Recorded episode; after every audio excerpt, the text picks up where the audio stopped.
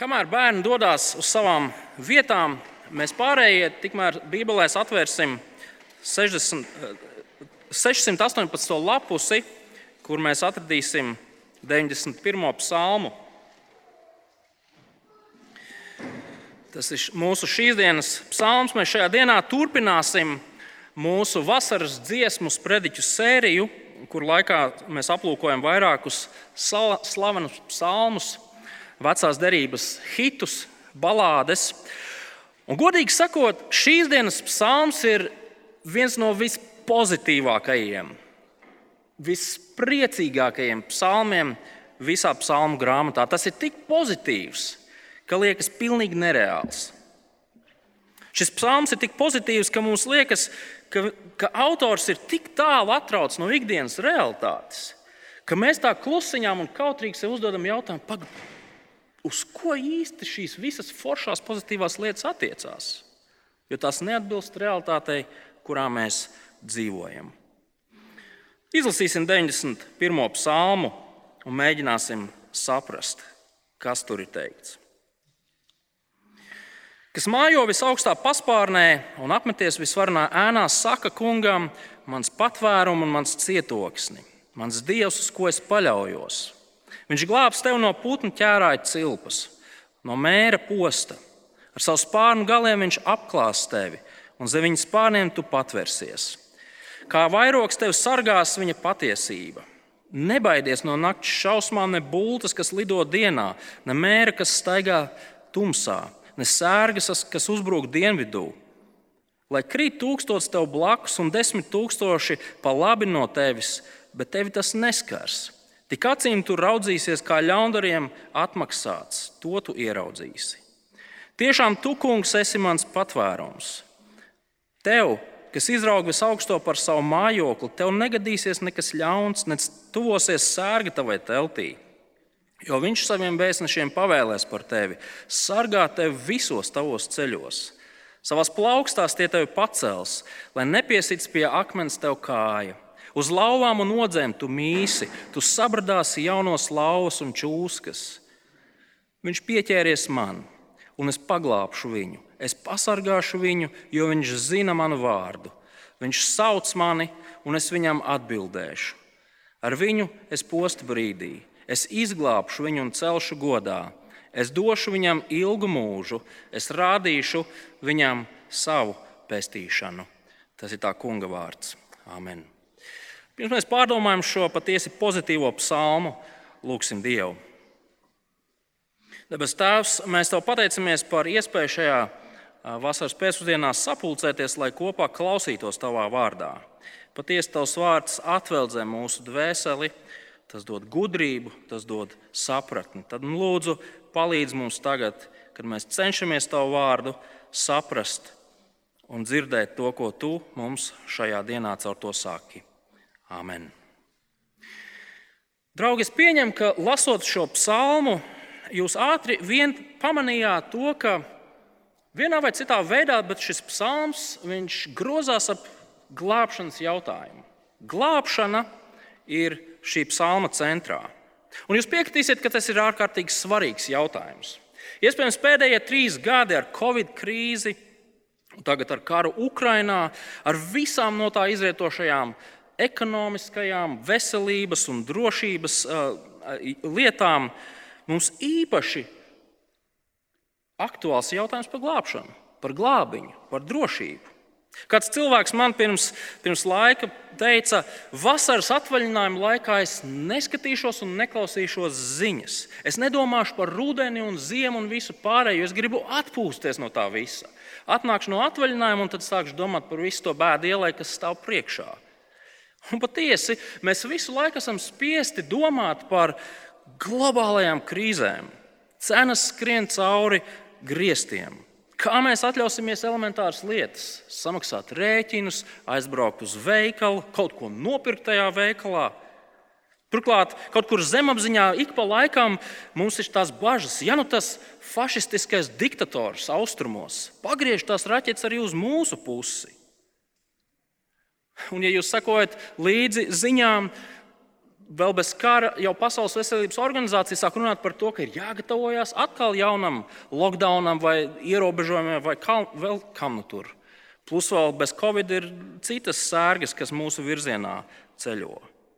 Jauni draudi veselībai, jauni ierobežojumi, mājasēdes, nomāktība, uztraukums par mūsu dienascho maizi un iztikas līdzekļiem. Un piekritīsiet, ka bez visām šīm globālajām krīzēm ir visas tās parastās problēmas, ar kurām mēs saskaramies. Tās bēdas, kas piepilda mūsu ikdienas dzīvi, bēdas un nelaimes, kas notiek ar mums pašiem, ar mūsu tuviniekiem, ar mūsu draugiem, ar mūsu kaimiņiem. Kur lai tajā visā meklē glābiņu? Kur lai vēršamies, kad piedzīvojam grūtus laikus, nedrošību? Pie NATO? Pie valdības, lūdzot kādus atbalstus un pabalstus, pie šīs pasaules um, ekspertiem. Un, protams, paldies Dievam, ka Viņš savā lielajā žēlstībā ir devis cilvēkiem gudrību un sirdsprātu rūpēties par to, lai šajā pasaulē būtu miers, lai šajā pasaulē cilvēki varētu dzīvot veselībā un pēc iespējas labi. Mēs ar pateicību pieņemam to, kas ir labs un vērtīgs, pareizi, pat ja tas nāk no pasaulīgiem ekspertiem. Bet pēdējo mēnešu, pēdējo gadu notikumi mums jau atkal atgādina un pierāda, ka tas viss ir tik trausls un nepastāvīgs. Miers, veselība, stabilitāte, taisnīgums šajā pasaulē ir visnotaļ gaistoši lielumi. Vienā dienā tas viss ir, Nākamajā nekā no tā vairs nav. Vai ir kāda vieta, kur mēs kā cilvēki varam rast reālu drošību, reālu glābiņu? Jā, ir. Šīs dienas psalms māca, ka grūtībās, nedrošībās, pārbaudījumos, ciešanās mums savs patvērums un, patrā, patvērums un glābiņš ir jāmeklē pie kunga. Un mēs to varam darīt ar drošu paļāvību. Kāpēc? Tāpēc, ka viņš pavisam noteikti spēs dot reālu glābiņu un reālu drošību. 91. psalms mums atklāja Dievu kā lielo glābēju, kurš savus ļaudis pavisam noteikti paņems un aizvedīs uz mājām, uz lielo miera ostu. Un iedziļinoties šajā psalmā, paskatoties aiz tā, kas šeit ir redzams mūsu priekšā, mēs ieraugam to, ka šīs šķietami nereālās lietas patiesībā ir ļoti reālas. Tās patiesi attiecās uz mums šodien, šeit un tagad. Un tas, draugi, savukārt mums dāvā nepieciešamo prieku, iedrošinājumu un motivāciju turpināt iet uz priekšu, droši turoties pie mūsu Dieva varanās rokas. Šīs dienas psalms ir dziesma, un kā jau visas dziesmas, arī šī sastāv no trīs pantiņiem. Tie nav vienādi garuma pantiņi, un šīs eh, dziesmas autors eh, šos trīs pantiņus ir sadalījis pēc vietnieku vārdiem. Vietnieku vārdi mums palīdz ieraudzīt to, kur viņš maina kādu domu. Pirmajos divos pantos mēs redzam, es tu, no 3. līdz 13. pantam, viņš tevi, un tad no 14. līdz beigām mēs redzam, es viņu. Un šie trīs pantiņi kopā ņemti no dažādām pusēm aplūko šo mums tik svarīgo glābiņa jautājumu. Tad nu, iziesim raiti tam visam cauri. Un pirmā lieta, pirmie divi panti, izceļ to, ka Dievs ir glābējs. Skatieties vēlreiz, kas mājo visaugstā paspārnē un apmeties visvarnā ēnā, saka kungam, mans patvērums un mans cietoks, mans dievs uz ko es paļaujos.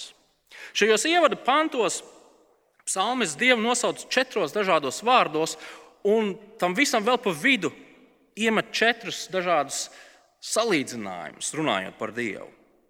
Pirmkārt, Dievs ir visaugstais. Veicot nelielu izpēti, mēs ātri vien ieraugām, ka šis ebreju valodas vārds ir tas vārds, ko izmanto Ābrahāms, runājot par Dievu. Tas izceļ Dievu kā pārāko valdnieku, kā visu lietu noteicēju. Šis pats vārds bieži vien ir redzams psalmos, un psalmos tas tiek saistīts ar Dievu kā valdnieku pār visiem citiem valdniekiem, pār visām tautām. Otrkārt, Dievs ir visvarenais Dievs. Viņš ir tas, kuram pieder vislielākais spēks, vislielākā ietekme, vislielākā vara. Neviens un nekas viņu nevar izaicināt uz, uz divkauju un cerēt uz uzvaru. Dievs ir visvarenais. Treškārt, Dievs ir kungs. Ebreju valodā šeit tiek lietots vārds Jahve. Kas ir Jahve? Jahve ir šis lielais es esmu. Es esmu lielais apsolījums dodošais, apsolījums piepildošais Dievs, kas darīs visu nepieciešamo, lai to, ko es esmu teicis, es arī piepildītu. Un visbeidzot, Dievs, Elohim, visa radītājs. Visi šie vārdi runā par Dieva absolūto pārākumu. Nav neviena tāda kā Viņš. Neviens pat tuvu nestāv. Otrās vietas šajā sacīkstē vispār nav. Tāpēc, ka ir viens vienīgs dalībnieks, tas ir Dievs. Bet vai jūs pamanījāt, kādas ir attiecības starp šo baisi varano un pār, pārāko dievu un psalma autoru? Skatieties, otrajā pantā viņš saka, mans dievs. Te ir runa par tuvām intīmām, personiskām attiecībām. Es atzīšos, ka es nezinu, kas ir Latvijas un pat pasaules ietekmīgākais cilvēks. Bet iedomājieties, ka jūs esat visietekmīgākā pasaules nezinu, prezidenta, valdnieka, karaļa, sportista, es nezinu, dēls vai meita. Šis cilvēks ir cilvēks, ap kuru visi dancogs pirksgaliem. Viens vārds un viņa griba notiek šajā pasaulē. Viņš ietekmē procesus, viņš virza vēsturi. Bet atšķirībā no visiem citiem, kuri vēlas satikt šo varano cilvēku, jūs bez uzaicinājuma, bez liekām ceremonijām, mierīgi sestdienas rītā varat iegāzties šī varanā cilvēka guļamistabā un teikt, kur ir manas brokastis? Kāpēc? Tāpēc, ka šis visvarenais ir jūsu tēvs.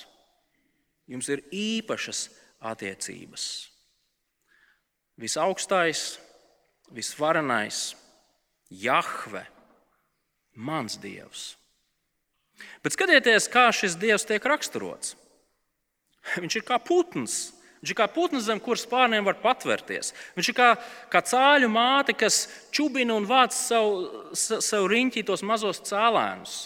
Starp citu, Mārcis Dīķī, ja jūs gribat apiet apkārt, tur ir viena otra putnu mamma un, un tāda jau pārauguša, tāda pusauģa cāļa jau. Dievs ir kā putnu mamma, kas vāc savus cālīšus. Dievs ir kā milzīgs koks, kura ēnā var patvērties no saules svelmes.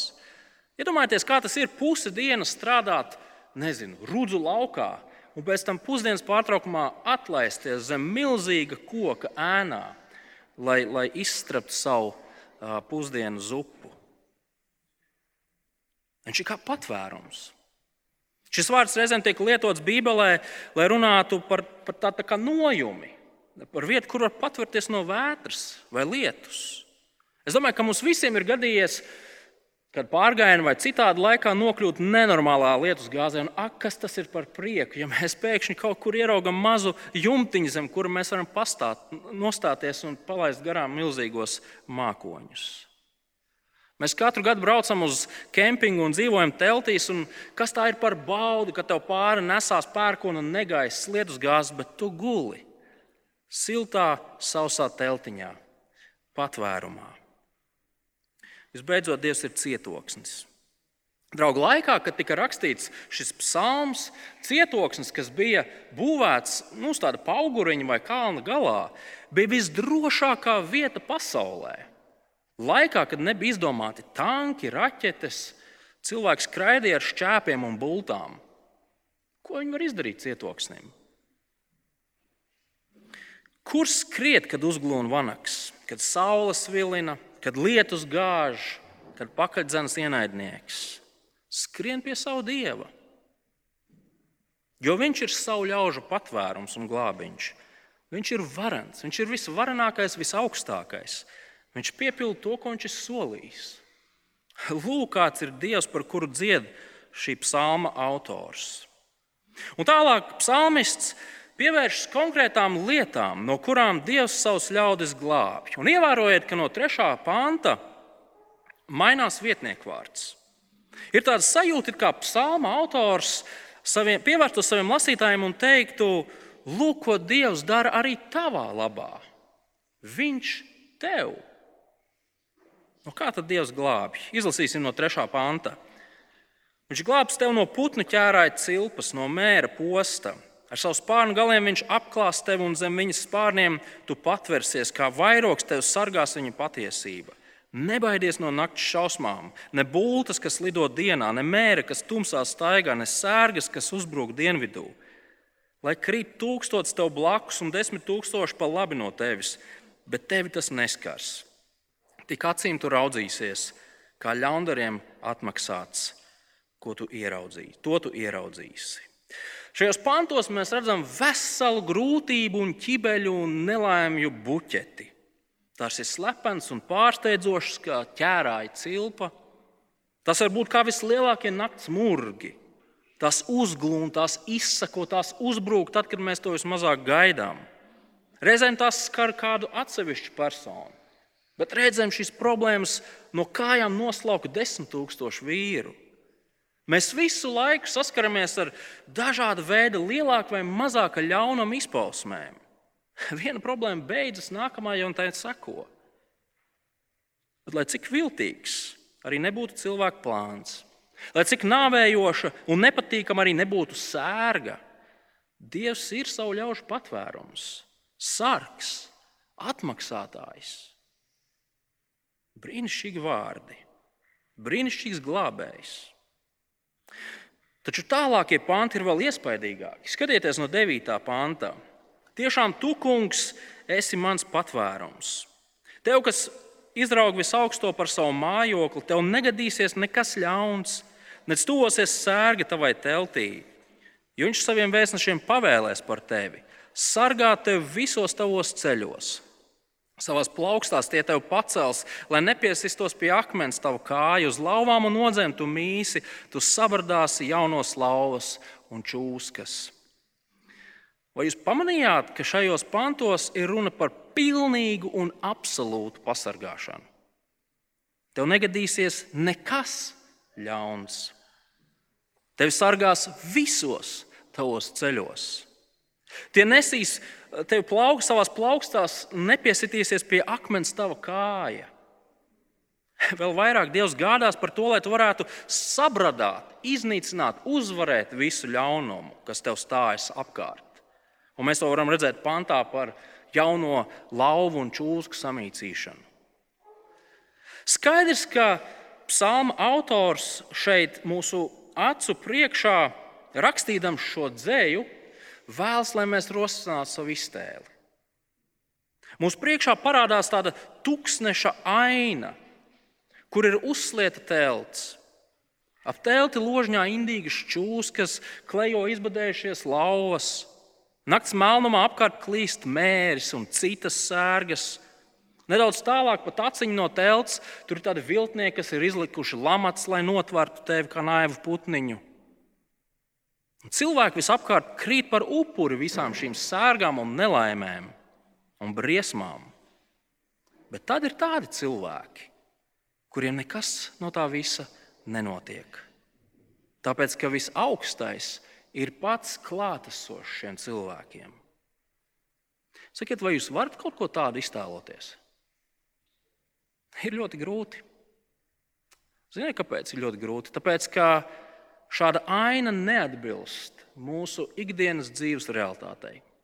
Šāda aina neatbilst tam, ko mēs redzam šajā pasaulē. Varbūt psalmists patiešām nedaudz pārspīlē ar Dieva varenību?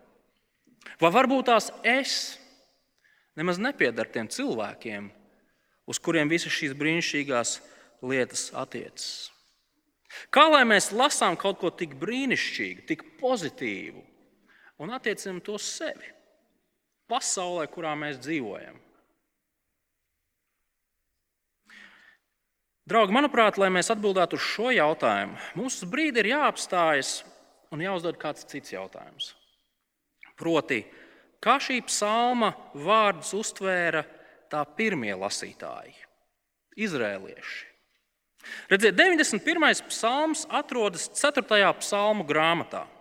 Un, ja mēs izlasītu visu 4. psalmu grāmatu no 90. līdz 106. psalmam, mēs redzētu, ka kā zelta pavadiens šiem psalmiem vijās cauri viens liels temats. Un šis temats ir iziešana, glābšana, izvešana no trimdas. No trimdas, kas ir līdzīga Eģiptes trimdai, no verdzības, kas ir līdzīga Eģiptes verdzībai. Šajos psalmos tiek izmantotas līdzīgas idejas, līdzīgi vārdi, bet personāži ir līdzīgi, vietas ir līdzīgas. 90. psalms, šīs grāmatas pirmais psalms, runā par, par ilgām pēc dieva glābšanas. Tas atzīst cilvēka dzīves nīcību, tas atzīst cilvēka grēcīgumu un ļaunumu. Tas raugās uz Dievu un sauc klau. klau. Vai viņš glābs?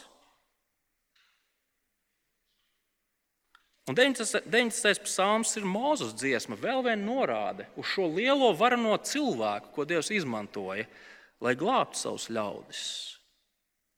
Tikai šoreiz, atšķirībā no Eģiptes verdzības, mēs šajos psalmos redzam to, ka cilvēki šajā verdzībā, šajās grūtībās ir savas vainas dēļ. Viņi ir sacēlušies pret Dievu, viņi ir grēkojuši, un nu viņi strebj to putru, ko viņi ir savārījuši, kā latvieši saka. Un tādēļ, draugi, manuprāt, pirmie lasītāji, dzirdot 91. psalma vārdus, atcerējās par to, kā neticamā veidā Dievs viņus bija izglābis no Eģiptes verdzības. Visapkārt ir ienaidnieki, desmit dažne dažādas mocības un, un, un sērgas, no kurām pēdējā ir visbriesmīgākā. Kad par Pa visu teritoriju ceļoja šis nāves eņģelis, meklējams pirmdzimtos, kurus paņemt. Un pēc tam dieva ļaudis tika izvest no Eģiptes zemes. Viņus sagaidīja vēl liels grūtības. Sarkanā jūra, ienaidnieks, kas dzinās pakaļ. Nonākuši tūkstnesī jaunas grūtības, bats, slāpes, ienaidnieki, karstums, Visas šī psalma likstas, kuras šeit tiek pieminētas, no kurām Dievs viņus atbrīvo, kaut kādā veidā saistās un atgādina par visu to, kas izrēliešiem bija izējot no Ēģiptes. Šīs likstas ļoti atšķirās no tām, par kurām, piemēram, dzied Dāvids, ķēniņš Dāvids, kurš dzied par saviem ienaidniekiem, kas viņu vajā. 91. psalms ļaudīm māca, Dievs ir nemainīgs. Viņš joprojām ir tas pats varenais apsolījums, dodošais, apsolījums piepildošais Dievs. Viņš gādās par jums, viņš jūs izglābs, viņš jūs aizvedīs uz savu māju vietu. Vai jūs redzat, kā tas maina to, kā mēs raugāmies uz šo psalmu? No vienas puses, mēs kā cilvēki mēs, mēs ilgojamies pēc tā, lai Dievs burtiski mūs pasargātu no visa ļaunuma, kas šajā pasaulē ar mums var notikt. No visa tā, kas mūs var uzglūnēt naktas melnumā. Taču no otras puses, mēs esam realisti un mēs izjūtam zināmu neizpratni, varbūt pat dusmas, vilšanos, tāpēc ka realitātē mēs un mūsu bērni slimojam. Mēs zaudējam ienākumus, zaudējam darbu dzīvojam kara ēnā, piedzīvojam attiecību radītas sāpes, bēdas, mēs mirstam. Pareizi raugoties uz šo psalmu, tā visa vietā mēs esam aicināti skatīties uz Dievu, kurš pavisam noteikti par mums parūpēsies, par spīti visam tam, kas ap mums pinas. Šis psalms nerunā par to, ka uz šīs zemes mēs nepiedzīvosim bēdas un skumjas, salauztas sirdis. Šis psalms nerunā par to, ka mēs necietīsim. Šis psalms nav pretrunā ar mūsu pieredzi. Te nav, šis psalms nav kaut kāda pozitīva dziesmiņa par to, kā mums ir jāliek bēdas zem akmeņa un pāri jāiet dziedādamiem. Dievs nesmējas par mums. Viņš neliek mums noliegt to, ka mēs dzīvojam skarbā pasaulē. Ne šī dziesma mums liek skatīties tālāk par to, kas ir mūsu acu priekšā.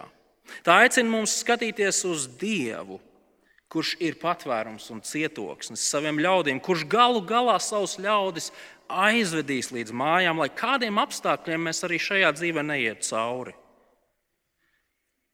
Tas man atgādina par to, kā pirms daudziem gadiem uh, man bija iespēja piedalīties tādā bezceļa braucienā ar, ar, ar džipiem. Un mans draugs, šīs lietas uh, organizētājs un lietpratējs, viņš teica, es tev braukšu pa priekšu, mūsu džipos ir rācijas, es tev rācijā teikšu, kas tev ir jādara, tu precīzi sako maniem norādījumiem, un mēs paspēsim dzīvi un sveiki atgriezties mājās uz vakariņām. Es, protams, redzot to, tos milzīgos grāvjus, nogāztos kokus un cēlus, pa kuriem mums it kā bija jābrauc pāri, pie sevis ļoti daudz ko nodomāju, un tad mani aizmugurē sēdošie bērni ļoti skaidri pateica to, ko es domāju. Tas ir pilnīgs trakums. Kur mēs esam iekūlušies? Bet, lai cik neticams un traks arī šis brauciens neliktos, mēs patiešām paspējam uz vakariņām. Es klausījos tajā čerkstošajā rācijas skaņā un darīju visu to, ko man teica darīt, un mēs pat neiestrēgām. Es nosirmoju, mani bērni kliedza un spiedza, bet mēs izbraucām tam visam cauri. Tieši tāpat mēs esam aicināti raudzīties uz savu dzīvi. Grūtības ir un būs. Mēs piedzīvosim pat tādus brīžus un apstākļus, kas līdzinās visšaušalīgākajiem nakts murgiem, bez šķietamas izējas. Kur meklēt glābiņu? Kur meklēt vajadzīgo atalpas brīdi, patvērumu, drošību. Brāļi un māsas, Dievs mums ir devis visu nepieciešamo, lai mēs visām šīm dzīves grūtībām varētu iziet cauri un nonāktu Dieva mājokļos. Šie vārdi nav tikai vecās derības ļaudīm vien. Līdzīgi ideja atkārto apustulis Pēters. Savā otrajā vēstulē rakstot šādus vārdus, pirmajā nodaļā, 3. un 4. pants. Viņa dievišķais spēks mums ir dāvājis visu mūsu dzīvībai un dievbijai vajadzīgo. Caur to, ka esam iepazinuši viņu, kas mūs ir aicinājis ar savu godību un labestību. Tālāk mums ir dāvāti dārgi un diženi apsolījumi, lai jūs kļūtu dievišķās dabas līdzdalībnieki, izbēguši no iznīcības, kas ir pasaulē kārība dēļ. Dievs saviem cilvēkiem ir dāvājis kaut ko, Viņš ir dāvājis. Mūsos pašos nekā nav. Mēs paši neko nevaram radīt. Mēs esam saņēmuši kādu dāvanu no Dieva. Un mēs esam saņēmuši visu, lai mēs šajā grūtajā pasaulē varētu dzīvot kā Dieva ļaudis. Gaidot to dienu, kad, kā Pēters dažs pants tālāk saka, mēs ieiesim pa plaši atvērto ieeju Kristus mūžības valstībā. Mums ir dāvāts viss. Un jautājums ir, kas slēpjas zem šī vārda viss? Un aiz tā slēpjas Kristus krusta nāve, kas mums dāvājas grēku piedošanu, mieru ar Dievu, attaisnošanu Dievu priekšā. Aiz tā viss slēpjas svētais gars, kas, kas mūsu vājajam garam atgādina patiesību par to, kas mēs esam, kur mēs būsim, kā mēs tur nonāksim. Un tieši tur arī ir apslēpts mūsu spēks. Ja mēs zinām to, ka mūsu grūtības ir vien 60 garus, gadus īss, mirklīgs pasākums, tur daudz vieglāk pārvarēt. Ja mēs zinām, ka grūtības kalpo mūsu lielākam labumam, tajās var pastāvēt. Vai tā nav? Vai tā nav? Reizēm Dievs atrisina mūsu problēmas, mūsu grūtības, burtiski tās paņemot no kā, kā roku. Bet būs reizes, kad Viņš mums dos tādu pārdabisku spēku iziet tam visam cauri. Bet tad būs tādas reizes, kad mēs, kad Dievs mums dāvās žēlastību un visu nepieciešamo spēku, lai mēs varētu dzīvot par spīti tam, ka tās grūtības ir katru dienu pie mums. Jo ir lietas, kuras mūs pavadīs līdz mūsu pēdējiem elpas vilcienam. Grūtas un smagas lietas. Bet Dievs dod vajadzīgo žēlastību. Lai kāds scenārijs neattīstītos arī mūsu dzīvē, mēs varam būt droši par to, ka Dievs mums jau tagad ir devis visu nepieciešamo, lai mūs beigu beigās izglābtu un aizvestu mājās. Dievs glābj. Viņš ir patvērums, viņš ir drošība. Visbeidzot, šajā dziesmā ir vēl trešais pantiņš, kurā runā pats Dievs. Skatieties no 14. panta. Viņš pieķērās man, un es paglābšu viņu. Es pasargāšu viņu, jo viņš zina manu vārdu. Viņš sauc mani, un es viņam atbildēšu. Ar viņu es posta brīdī. Es izglābšu viņu un celšu godā. Es došu viņam ilgu mūžu un rādīšu viņam savu pestīšanu. Šajos noslēdzošajos pantos Dievs runā par to, kurš tad galu galā saņems šādu drošu glābiņu, šo patvērumu. Un šo cilvēku raksturo trīs lietas. Pirmkārt, viņš ir pieķēries Dievam. Runa ir par mīlestību, par vēlmi darīt to, ko Dievs saka, par vēlmi dzīvot uzticīgi Dievam. Otrkārt, viņš zina Dievu vārdu. Te nav tik daudz runa par, par, par, par to, kas šeit ir rakstīts, bet drīzāk par to, ka šis cilvēks pazīst Dievu. Viņš zina to, kāds Dievs ir, ko Dievs dara, ko Dievs vēlas darīt. Un visbeidzot, šis cilvēks sauc uz Dievu. Šis cilvēks zina to, ka viņa vienīgais glābiņš, vienīgais drošais glābiņš šajā pasaulē, nemainīgais, stabilais glābiņš, ir tikai un vienīgi pats Dievs. Dievs šajos noslēdzošajos pantos saka, cilvēks, kurš mani mīl, mani pazīst, un mani sauc palīgā, tas tiks izglābts, tas tiks pasargāts. Viņa izmisuma pilnais lūgums tiks atbildēts. Šos vārdus saka pats Dievs. Tos nesaka mācītājs, tos nesaka tētis vai opis, tos nesaka priekšnieks, tos nesaka Egils Levits. Tos nesaka psihiatrs. Tos saka pats Dievs. Visvarenais, visaugstais, Jahve, visa radītājs, visa noteicējs. Un ja viņš to saka, tad tā patiešām arī būs. Pats kungs ir līdzās saviem ļaudīm, kad tie iet cauri grūtībām. Viņš zina, kā mēs jūtamies un ko mēs piedzīvojam. Un viņš mums dod visu nepieciešamo, lai mūs aizvestu līdz galam. Bieži vien mēs viņa darbu nesaprotam. Kāpēc? Tāpēc, ka tas nesakrīt ar to, kā mēs iztēlojamies, kā lietām vajadzētu notikt, ko Dievam vajadzētu darīt, kā visam vajadzētu būt. Bet mēs esam aicināti uzticēties tam, ka Viņš zina labāk. Viņš ir varenāks un gudrāks par mums. Viņš ir daudz labāks par mums. Viņš ir Dievs. Draugie, jums nav šādas attiecības ar Dievu. Ja jūs neesat viņam pieķērušies, ja jūs viņu nepazīstat, ja jūs nesaucat viņu pēc palīdzības, diemžēl jūs nevarat iegūt šajā pasaulē paliekošu mieru un glābiņu. Tā ir iegūstama tikai un vienīgi tad, ja mēs tveramies pie Kunga Jēzus Kristus, kā savu grēku izpircēju, kā savu glābēju, kā savu taisnīgā tiesneša. Savukārt, ja mums ir šādas attiecības ar Dievu, mēs varam dzīvot ar pārliecību par to, ka Dievs ir kopā ar mums.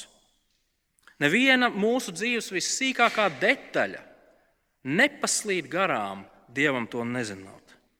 Viņš mūs sargā, Viņš par mums rūpējas, Viņš mūs ved cauri lielām un mazām likstām. Viņš dod spēku turpināt iet uz priekšu.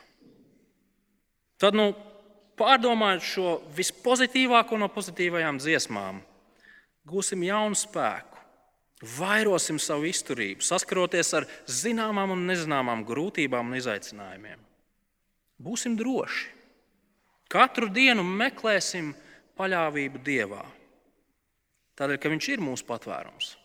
Viņš ir neieņemamais cietoksnis. Viņš mūs ved uz savām mājām, un kādu dienu mēs tur pavisam noteikti būsim. Lūksim Dievu. Labais dabas tēvs, patiesi mēs gribam tevi slavēt kā varanu Dievu.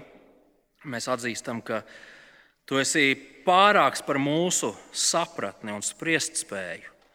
Tādēļ lūdzu, it īpaši tajos šaubu brīžos, kad mēs saskaramies ar grūtībām, ka mēs spētu pacelt savu skatienu uz tevi un rast tur drošību, nezūdošu drošību un glābiņu. Tās, un mēs lūdzam, ka šī, šī vēsts būtu kaut kas tāds, kas arvien vairāk un vairāk izskanētu šajā nemierīgajā pasaulē, un arvien vairāk un vairāk cilvēki, cilvēki sauktu pēc glābšanas uz tevi.